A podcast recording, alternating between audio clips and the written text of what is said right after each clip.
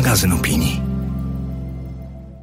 Zastanawialiście się kiedyś nad tym, ile drzew musielibyśmy posadzić, aby wchłonęły cały dwutlenek węgla, który ludzkość wyprodukowała przez ostatnie 100 lat?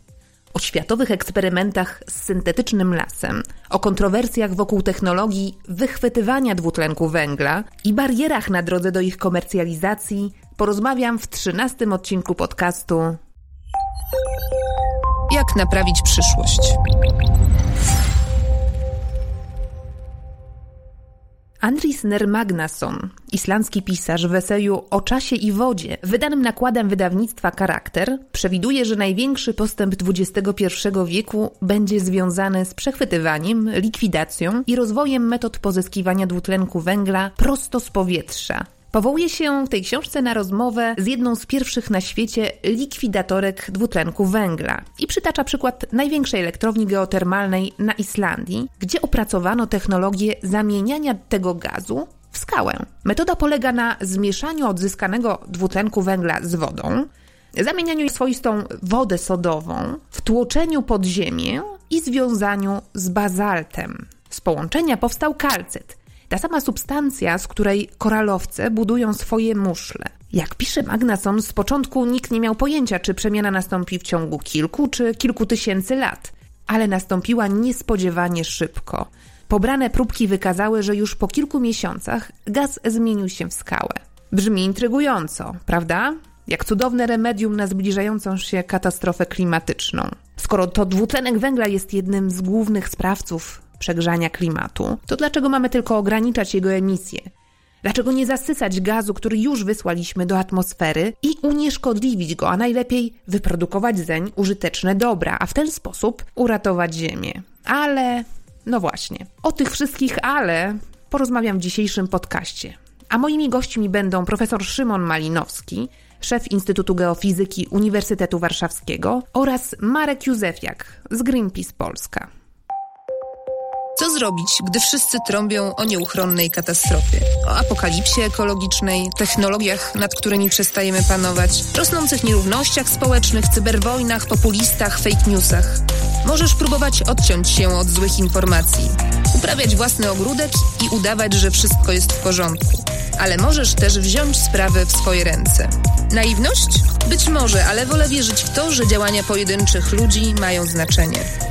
O tym, jak naprawić przyszłość w duchu filozofii DIY, czyli naszego swojskiego zrób to sam, będę rozmawiać z naszymi gośćmi, ekspertami z różnych dziedzin. Postaram się też namówić ich do tego, by weszli w buty futurologów i spróbowali opisać, jak będzie wyglądał interesujący nas wycinek rzeczywistości w 2050 roku. Nazywam się Barbara Sowa i w imieniu magazynu Pismo zapraszam do słuchania podcastu.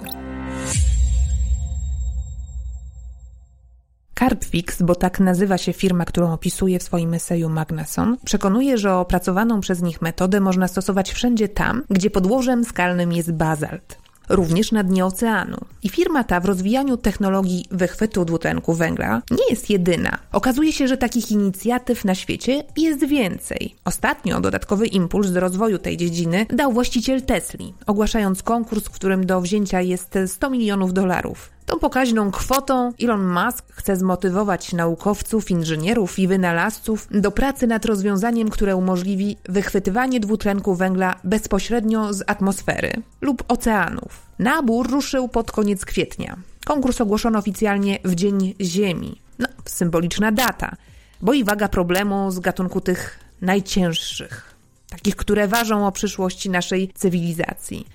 W debacie na temat walki z katastrofą klimatyczną coraz częściej słychać głosy mówiące o tym, że nie wystarczy ograniczanie emisji, rozwój odnawialnych źródeł energii i zmniejszanie zużycia ropy, gazu i węgla. Jeśli nie zaczniemy usuwać dwutlenku węgla z atmosfery, realizacja klimatycznych porozumień z Paryża będzie tylko pobożnym życzeniem i ograniczanie globalnego ocieplenia do dwóch stopni w porównaniu z epoką przedprzemysłową pozostanie mrzonką.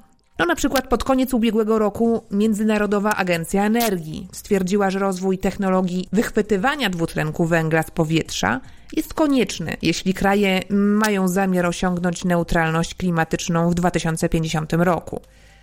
Wspominał o tym również John Kerry, specjalny wysłannik Stanów Zjednoczonych do spraw klimatu w czasie wirtualnego szczytu z kwietnia tego roku. Na tym samym szczycie o pochłanianiu gazów cieplarnianych mówił też Władimir Putin.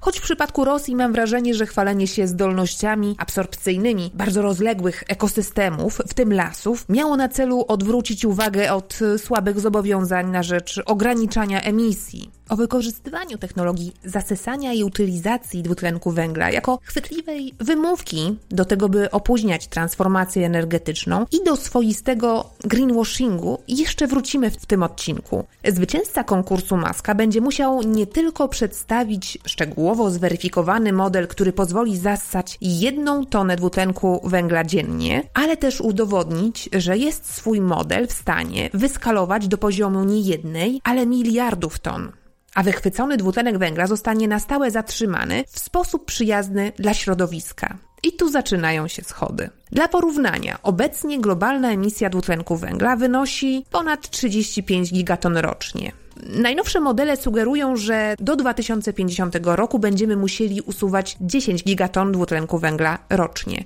a do końca stulecia liczba ta musi się podwoić. W tej chwili, nie licząc naturalnych sposobów, usuwamy niewiele. W praktyce właściwie nic, ale to nie znaczy, że w tym temacie nic się nie dzieje.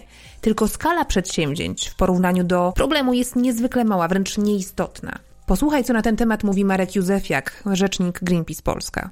Istnieje szereg pomysłów na to, jak poradzić sobie z dwutlenkiem węgla, który już jest w atmosferze. No, te pomysły pojawiają się no, co najmniej od kilkudziesięciu lat. Ich jest szereg. Naukowcy czy też biznes proponuje naprawdę różne technologie, które mają nam jakby pomóc w poradzeniu sobie z kryzysem klimatycznym. Jednak to, co je łączy, to tak naprawdę dość mały stopień zaawansowania. I jak zdaje się, no, ograniczona możliwość tak naprawdę bazowania naszej walki o klimat na tych technologiach. Ich jest sporo i to, co w nich jest najbardziej atrakcyjnego, to tak naprawdę taki pomysł, że my tak naprawdę nic nie musimy zmieniać i możemy nadal emitować dwutlenek węgla, tylko po prostu będziemy go teraz wychwytywać z atmosfery, czy to właśnie w fabryce, która go emituje, czy w pobliżu elektrowni, gdzie te stężenia dwutlenku węgla są największe, czy to właśnie za pomocą innych sposobów. I oczywiście, no,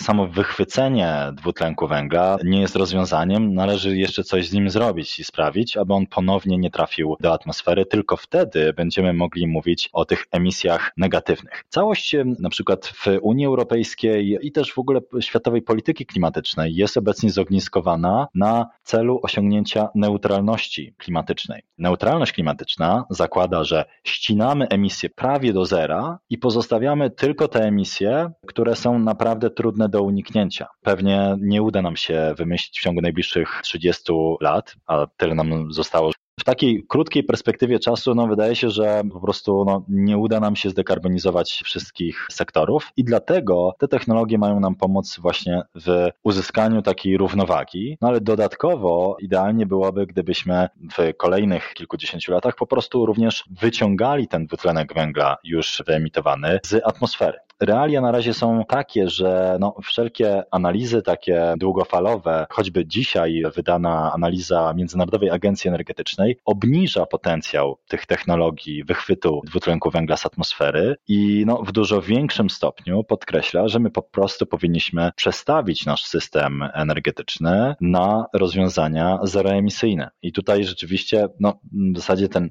headline, motto tego raportu Międzynarodowej Agencji Energetycznej, który jest pierwszym takim raportem pokazującym, jak w skali świata dojść do neutralności klimatycznej i zmieścić się jednocześnie w tym celu 1,5 stopnia Celsjusza, który wyznaczyliśmy sobie porozumieniem paryskim, no to tak naprawdę przyszłość jest odnawialna. To jest takie motto, którego można z niego wypisać i skrócić go w zasadzie w jednym zdaniu. Wszelkie właśnie technologie, które no, w cudowny sposób miałyby wychwycić dwutlenek węgla z atmosfery, czy wychwycić go po drodze, gdy emitujemy go w elektrowniach czy fabrykach, należy traktować jako pewne uzupełnienie i rzecz, która, no, na której nie można polegać po prostu, w odpowiedzialny sposób, bo tutaj jest kluczowa przewidywalność. Jeśli jakaś technologia jest na wstępnej fazie rozwoju, to naprawdę jeszcze do czasu, kiedy ona się staje taka po prostu w pełni dorosłą, dojrzałą technologią, naprawdę wiele rzeczy może się jeszcze po drodze zmienić i trudno w odpowiedzialny sposób przewidzieć, na którym momencie ona będzie po prostu mogła znaleźć zastosowanie szerokie w przemyśle i być jedną z układanek tego całego mechanizmu.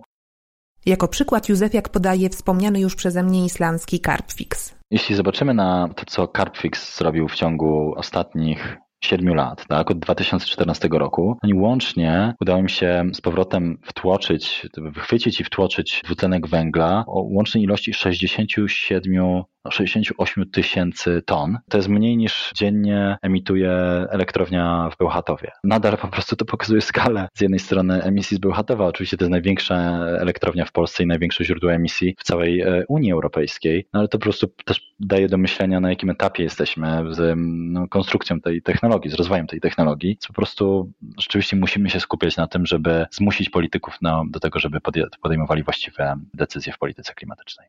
Sama technologia. Tak sekwestracji dwutlenku węgla, określanej skrótem CCS, od angielskiego Carbon Capture and Storage, czyli wyłapywania i magazynowania dwutlenku węgla, jest znana od kilku dekad i polega w dużym uproszczeniu na separowaniu dwutlenku węgla ze spalin i składowaniu go pod ziemią.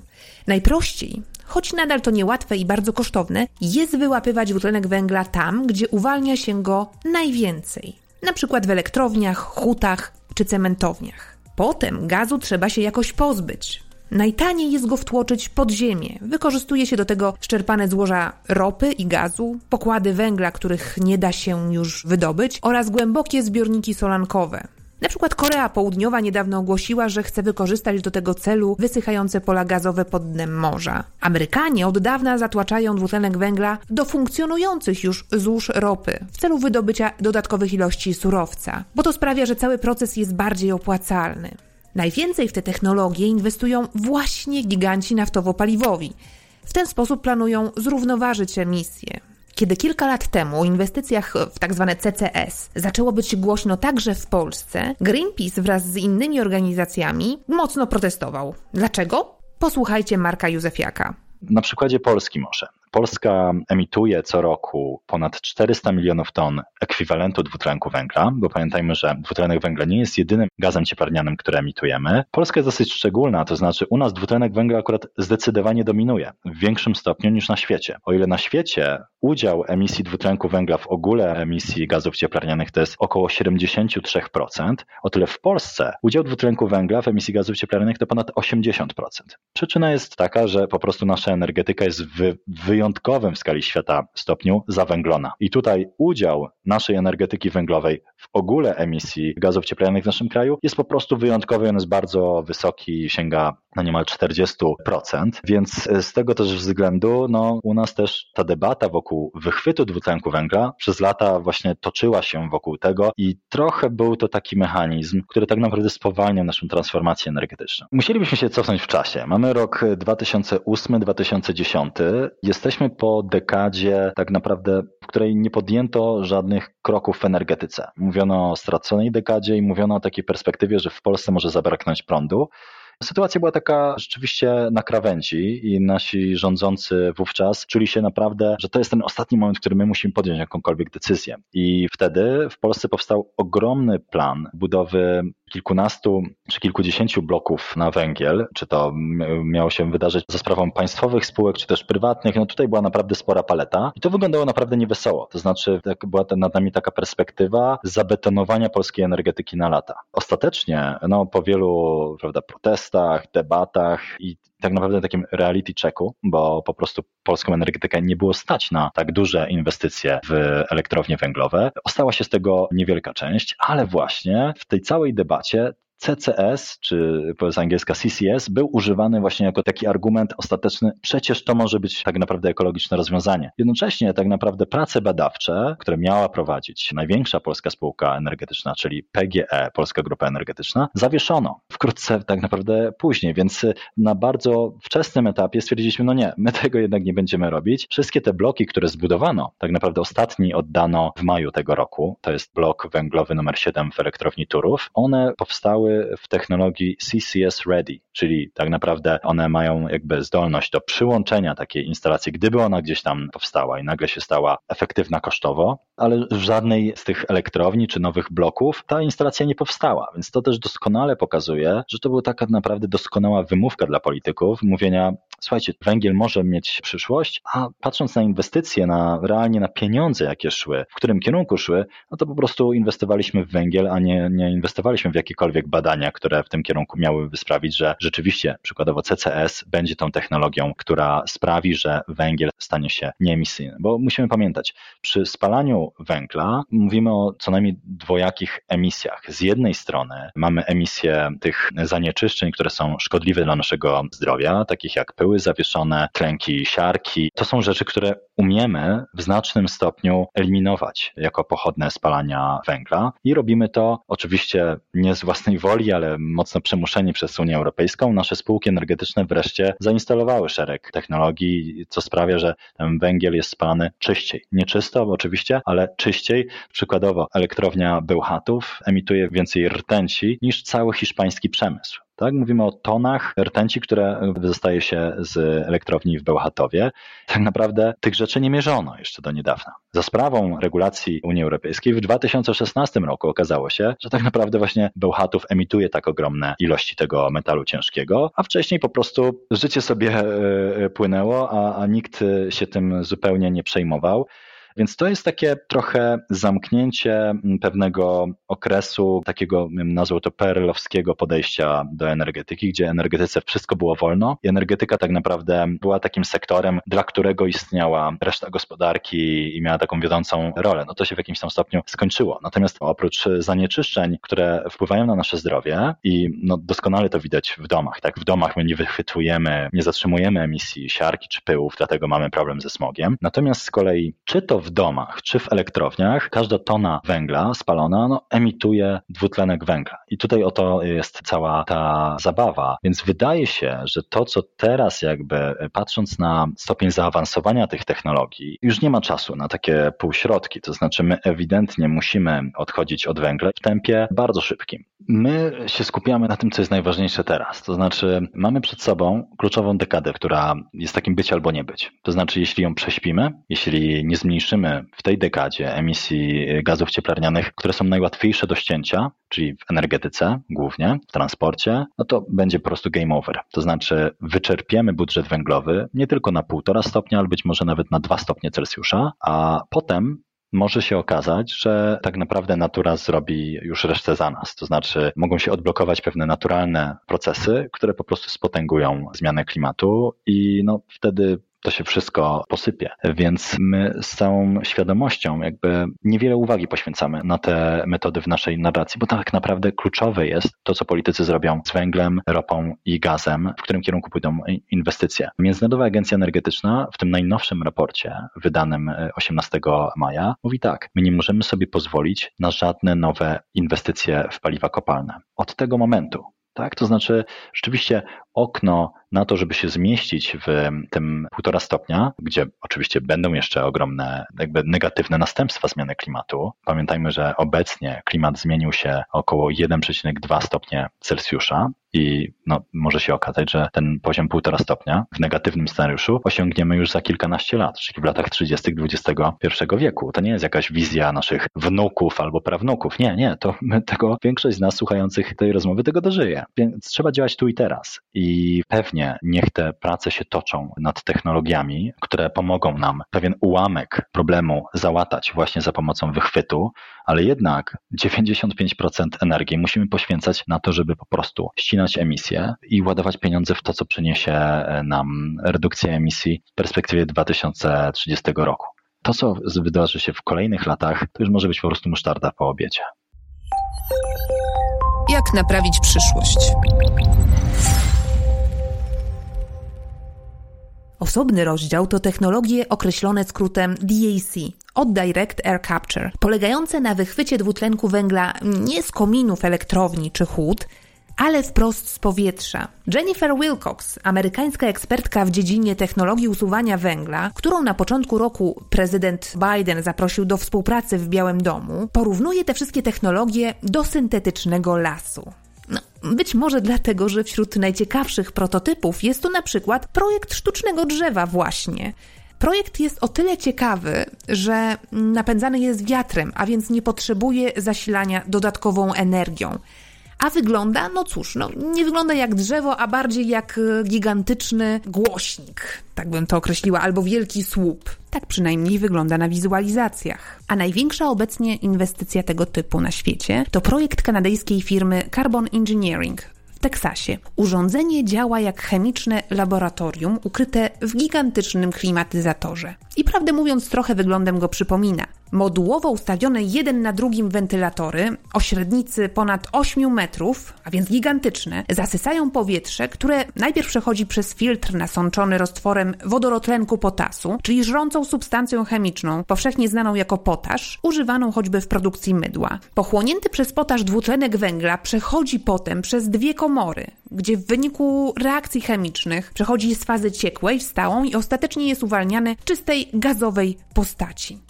Firma przekonuje, że na każdym etapie pozostałości chemiczne są ponownie wykorzystywane w całym procesie, tworząc zamkniętą reakcję, która powtarza się w nieskończoność bez żadnych odpadów. W podobny sposób a więc za pomocą takich gigantycznych wentylatorów, ale wykorzystując już inne procesy chemiczne, dwutlenek węgla zasysa z powietrza także inna firma, Climeworks, z siedzibą w Zurichu.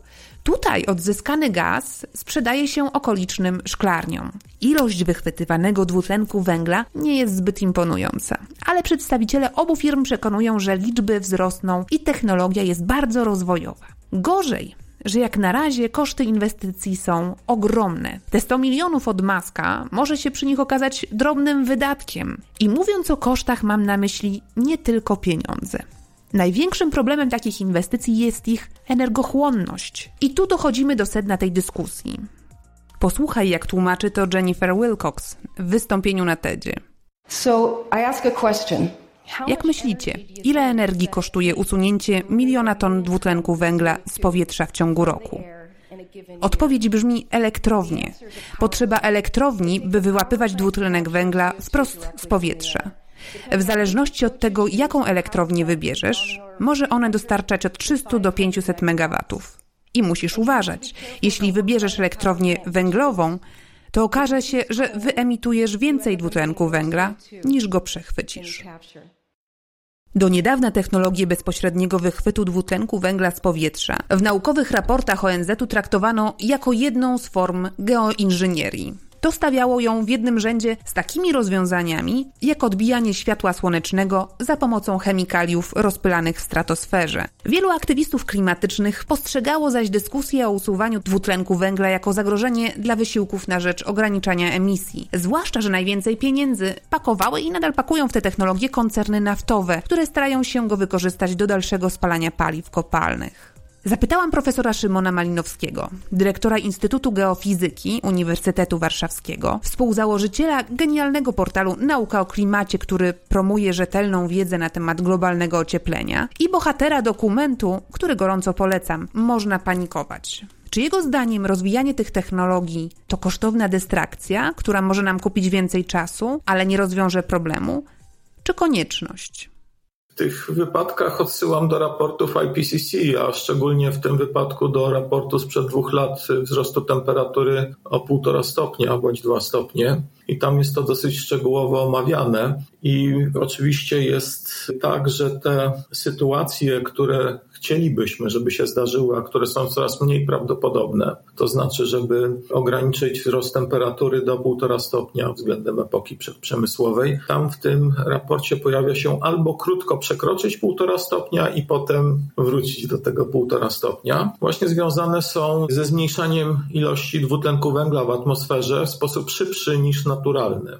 Z tym, że tak naprawdę, praktycznie rzecz biorąc, nie rozważane są tam żadne rozwiązania typu high-tech o których bardzo dużo pisze się w różnego rodzaju artykułach, czy różnego rodzaju właśnie dyskusjach w opinii publicznej, jakieś sztuczne drzewa, czy inne elementy, które mogą wychwytywać ten dwutlenek węgla, bo nie chodzi o tylko samo wychwycenie albo składowanie. O ile jeszcze można pomyśleć o wychwyceniu dwutlenku węgla tam, gdzie powstaje, gdzie spalamy duże ilości węgla, ropy i gazu i potem mamy odpowiednie środowisko geologiczne w pobliżu tego miejsca do tego, żeby ten dwutlenek węgla gdzieś tam pod ziemią w różny sposób schować. Ja nie jestem od tego specjalistą, ale geolodzy mają pewne pomysły w niektórych sytuacjach. O tyle ta kwestia usuwania dwutlenku węgla właśnie takiego, który już jest w tym powietrzu dobrze wymieszany i którego jest jednak stosunkowo niedużo, no bo teraz mamy 400 kilkadziesiąt cząstek na milion, to sobie proszę wyobrazić Warszawę i wyłapanie 400 kilkudziesięciu osób z Warszawy, prawda? W związku z tym to nie jest łatwe. Więc mówi się w tym wypadku o w zasadzie kilku możliwych technikach, z czego najważniejsze to jest kwestia właśnie zwiększenia sekwestracji tak zwanej biologicznej. Czyli krótko mówiąc, więcej lasów, zwiększanie bioróżnorodności i to niekoniecznie mówimy o takich lasach y, typu uprawy, które zetniemy i spalimy znowu, tylko właśnie o odwróceniu trendu wylesiania i, i, i niszczenia bioróżnorodności. No właśnie, bo jednak jeden z takich głosów, który się pojawia, to jest taki głos mówiący o tym dobrze. Te wszystkie rozwiązania dotyczące sekwestracji, czy przy elektrowniach, czy przy właśnie takich, jak pan wspominał, miejscach, gdzie można wychwytywać praktycznie od razu, tak, ten nowo produkowany dwutlenek węgla, to okej, okay ale tak naprawdę to wystarczy, jeśli będziemy sadzić lasy. To jest takie proste? To nie jest takie proste, bo to będzie bardzo powoli działać, natomiast to jest jedna z konieczności, żeby zwiększyć lasy i to być może nie takie lasy, o jakich myślimy, mówiąc sadzić lasy. Mhm. A jakie lasy? No pierwotne, takie ekosystemy, może bagienne, inne, które bardzo dobrze sekwestrują dwutlenek węgla i mają tak zwaną dużą produktywność biologiczną, bo produktywność biologiczna to nie jest nic innego jak wbudowywanie tego węgla, który jest w atmosferze w postaci dwutlenku w materię organiczną. Czy to jest tak, że to młode drzewo, bez względu na to, jakie drzewo wybierzemy, to ono od razu pochłania tak dużą ilość dwutlenku węgla, czy dopiero po jakimś czasie? No właśnie zaczynamy bardzo źle o tym myśleć. Mówimy o drzewach, a ja mówię o, o całym ekosystemie, prawda? Tutaj nie chodzi o drzewa, tylko chodzi o cały ekosystem. My patrzymy na lasy w taki sposób, jakby liczyły się tylko te drzewa, które stoją gdzieś tam pomiędzy i drewno w tych drzewach było jedynym magazynem węgla. Dużo węgla jest gromadzone w glebie, w podszyciu, i tak dalej. I teraz, jeżeli my wytniemy las, to ten węgiel, który jest w drzewie, w drewnie, jeśli go nie spalimy, tylko wbudujemy w jakieś budowle trwałe, on jest na jakiś czas związany i nie trafi z powrotem do atmosfery, póki się ta budowla nie spali, nie utleni i tak dalej. Natomiast uruchamiają się różne procesy, które także uwalniają bardzo duże ilości węgla zgromadzonego w glebie, w tej całej materii organicznej, w całym tym życiu, który w momencie, kiedy wytniemy drzewo z lasu, no to zmienia się zupełnie i prowadzi do zupełnie innych procesów rozkładu, więc tak tak naprawdę, jeżeli nawet zaraz po wycięciu posadzimy nowy las, to badania pokazują, że jeszcze przez 30 lat ten teren emituje dwutlenek węgla do atmosfery, a nie pochłania go z powrotem. Czy są jakieś takie jeszcze naturalne metody, o których nie wspomnieliśmy, a które warto byłoby podnieść?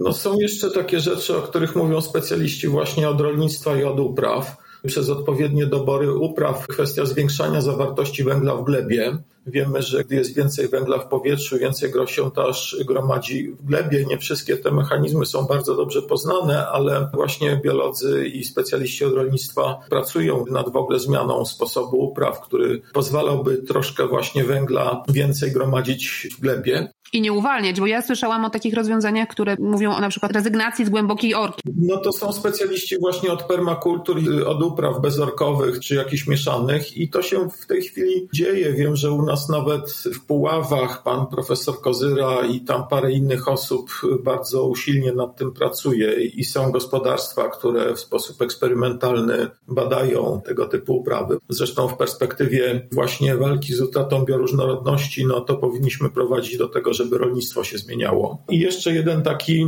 mechanizm geologiczno-geofizyczny, który znowu nie jest bardzo szybki, ale można by próbować zastosować mechanizm taki quasi naturalny, naturalny do trochę szybszego usuwania dwutlenku węgla z powietrza, bo w ogóle ten dwutlenek węgla był usuwany także w procesach naturalnych, tylko w bardzo długiej skali, prawda? W momencie, kiedy wypiętrzały się góry i rosły skały zbudowane z krzemianów, to one potem utleniały się i reagując z dwutlenkiem węgla rozpuszczonym głównie w deszczach, prawda, z kwasem węglowym, powstawały skały osadowe zawierające węglan wapnia i łączące część węgla. Więc na przykład w ciągu ostatnich 50 milionów lat w atmosferze spadała zawartość dwutlenku węgla od czasu, jak się wypiętrzyły Himalaje i tego dużego piętrzenia, ale bardzo, bardzo powolutku. My tyle czasu chyba nie mamy, nie możemy czekać. Nie mamy, absolutnie, więc to oczywiście cała seria zmian naturalnych, zmian klimatu związanych z tymi wieloma innymi procesami nastąpiła.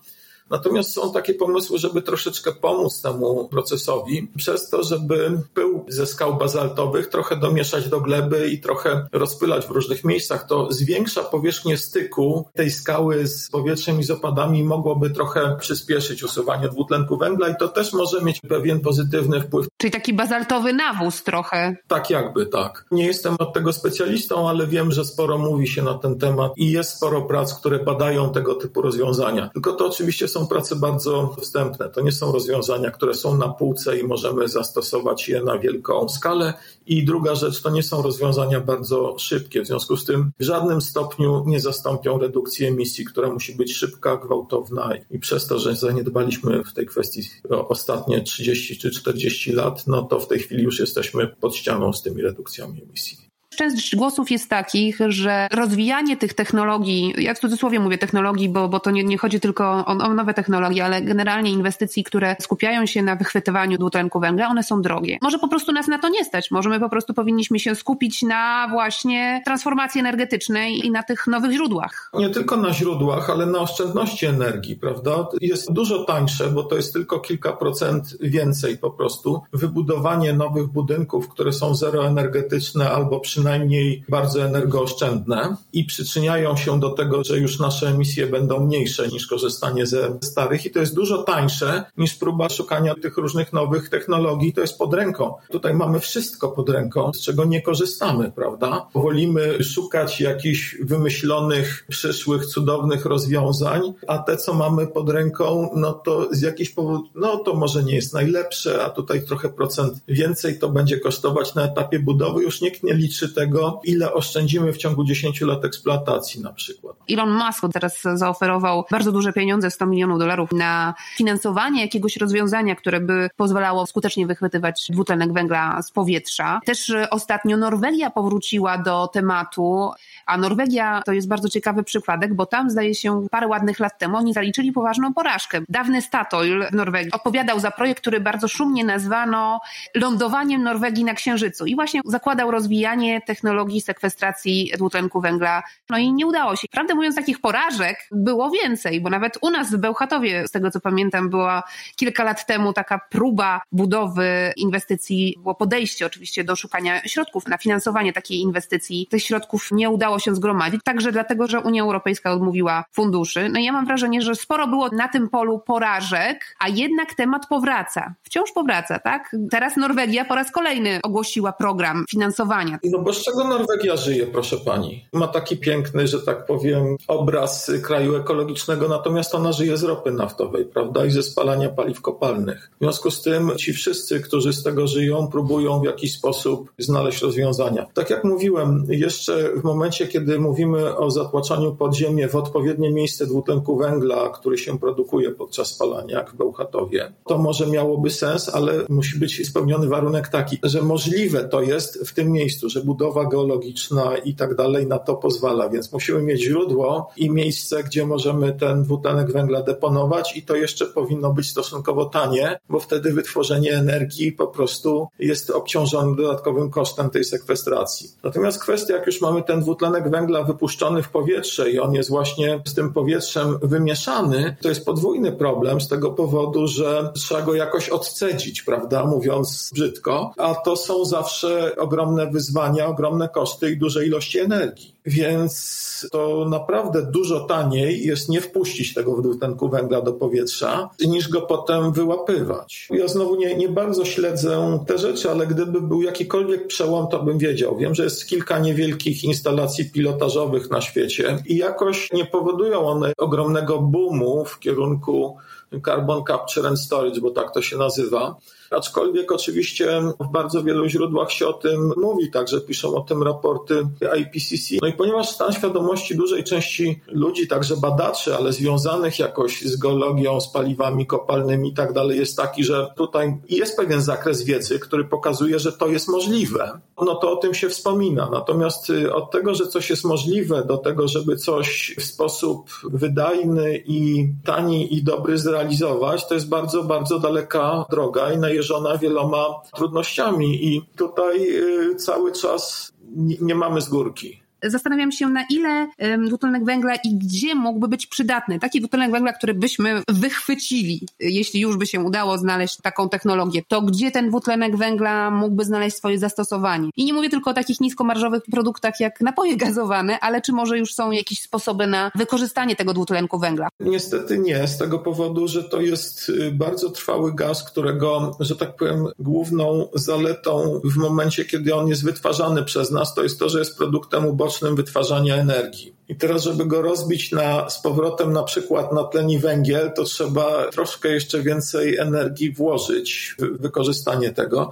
Oczywiście są jakieś procesy chemiczne, ja się znowu na tym głęboko nie znam, ale to jest krótko mówiąc odpad, który jest bardzo trudno przerobić na cokolwiek pożytecznego. I tylko, że tak powiem, natura wynalazła sposób, zresztą niezbyt wydajny, na wykorzystanie energii słonecznej do tego, żeby z tego korzystać. Ten pomysł natury nazywa się chlorofil. No i teraz nasz spryt, no to powinien polegać na tym, że powinniśmy ten pomysł natury troszeczkę podrasować właśnie korzystając z tego, że mamy też drugi kryzys, z którym walczymy, kryzys bioróżnorodności i próbować, znając, wiedząc jak to działa mniej więcej, znając wiele różnych tych procesów, żeby poprawić tą przyswajalność w niektórych obszarach i magazynować węgiel w materii żywej, bo tą strasznie niszczymy. Czyli zamiast ścigać się w konkursach Ilona Maska i budować jakieś kolejne inwestycje i ładować w to olbrzymie środki, zastanówmy się nad tym, jak odbudować, jak przede wszystkim zapobiegać niszczeniu niszczeniu bioróżnorodności i niszczeniu lasów. Tak, może, może właśnie jakiś taki dobry pomysł na szybszą sekwestrację naturalną węgla wygra w tym konkursie Ilona Maska, więc nie dezawujmy tak konkursów, tylko właśnie patrzmy realnie na możliwe rozwiązania. Panie profesorze, na koniec oczywiście, bo standardowo w moim podcaście pytam o przyszłość. Pan jest optymistą, jeśli chodzi o 2050 rok, jak będzie wyglądała,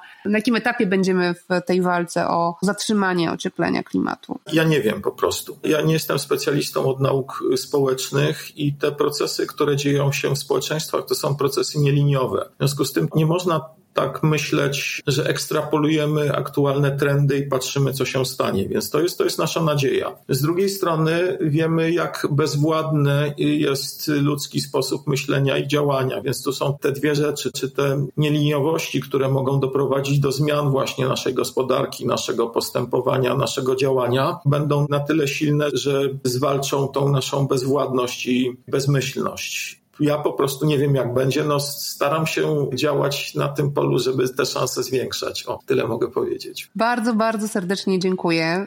Profesor Malinowski, podobnie jak autor eseju, o którym mówiłam Wam na początku podcastu, podkreślają, jak ważne dla wiązania dwutlenku węgla są całe ekosystemy. Nie tylko lasy, ale też chociażby bagna. Węgiel można usunąć w sposób naturalny, choćby poprzez zmiany użytkowania gruntów i przywracanie torfowisk. Magnason pisze, że na Islandii osuszono całe połacie terenów bagiennych i wykopano kanały oraz rowy o łącznej długości równej obwodowi kuli ziemskiej. Obecnie emisja dwutlenku węgla z wydrenowanych bagien na Islandii jest większa niż ze wszystkich fabryk, aut i przemysłu lotniczego razem wziętych. A sadzenie lasów? No przecież są to naturalne fabryki tlenu.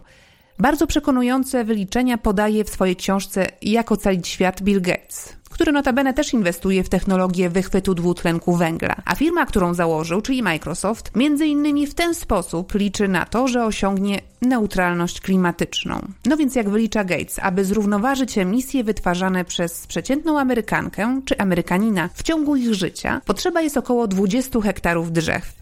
Posadzonych nie byle gdzie, ale w tropikach, bo w tym wypadku znaczenie ma nie tylko jakie drzewa, ale też gdzie je posadzimy. Pomnóż to przez liczbę ludności Stanów Zjednoczonych, a otrzymasz prawie 6,5 miliarda hektarów albo 65 milionów kilometrów kwadratowych, czyli mniej więcej połowę powierzchni wszystkich lądów świata. Te drzewa musiałyby tam rosnąć już zawsze, a wszystko dotyczy tylko Stanów Zjednoczonych. Nie uwzględniliśmy przecież emisji żadnego innego kraju. Jak naprawić przyszłość? Gdy przygotowywałam się do tego odcinka, natrafiłam na jeszcze jedną ciekawą kwestię, a mianowicie na drzewa tlenowe, reklamowane dość powszechnie w internecie nie tyle jako tajna broń natury wspartej genetycznymi modyfikacjami, ale jako niezła inwestycja. Okazuje się, że sadzenie hiszpańskiej krzyżówki dwóch gatunków paulowni w Polsce reklamowane jest jako świetny sposób na pomnażanie kapitału. A to z racji niesamowitego tempa wzrostu tych drzew. Jak twierdzi importer, w 6 lat mają one urosnąć nawet do 16 metrów. Po ścięciu drzewo odrasta i można je ścinać regularnie co 4 lata przez 18 lat. Przy okazji można wyssać z atmosfery nieporównywalną, dziesięciokrotnie większą ilość dwutlenku węgla niż w tym samym czasie pochłonęłaby zwykła sosna czy dąb.